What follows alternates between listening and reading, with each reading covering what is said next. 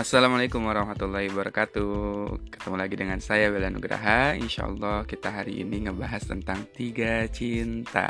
Stay tune ya. Jadi pernah nggak sih kita ngalamin jatuh cinta Atau kita merasakan cinta kepada seseorang? Pastinya insya Allah tentunya pernah mungkin ya. Nah mungkin kita pernah mengalami tadi perasaan jatuh cinta kepada seseorang. Sepertinya aku yakin sih kalian udah pernah ya Udah pernah merasakan jatuh cinta atau cinta sama seseorang? Cinta pada orang tua mungkin bisa jadi atau cinta kepada orang lain bisa jadi gitu atau cinta ya pokoknya membahas tentang cinta. Kalau kita belum pernah merasakan cinta mungkin terlalu naif juga untuk bilang seperti itu ya.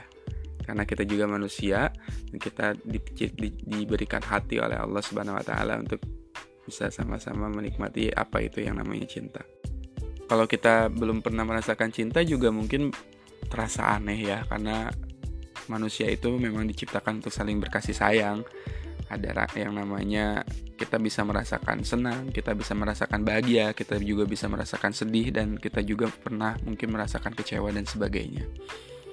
Yang akan aku bahas di sini bukan cinta tentang cinta-cinta biasa ya, atau cinta-cintaan atau alay-alayan lah yang enggak. Insya Allah kita akan bahas cinta yang berfaedah terutama kita akan membahas tiga cinta. Apa itu tiga cinta? Teman-teman bisa cek di surat Fatir ayat 38.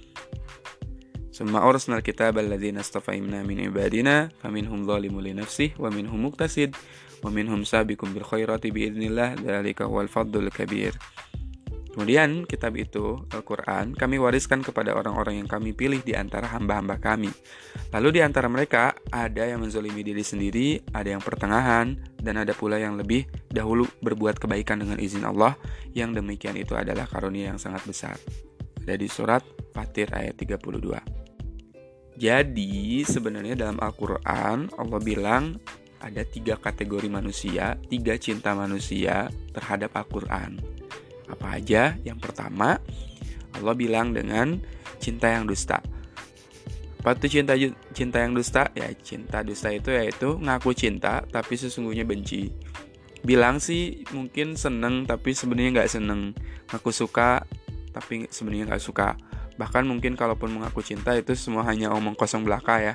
Nggak perlu banyak ngomong sih karena memang cinta itu juga bukan bakalan terlihat dari tingkah laku, perilaku kita, apa pun yang kita lakukan akan terpancar kalau kita memang cinta gitu ya. Kalau kita nggak cinta, kita nggak akan bisa baca bisa baca bisa baca Quran atau kita bakalan mungkin malas untuk baca Quran.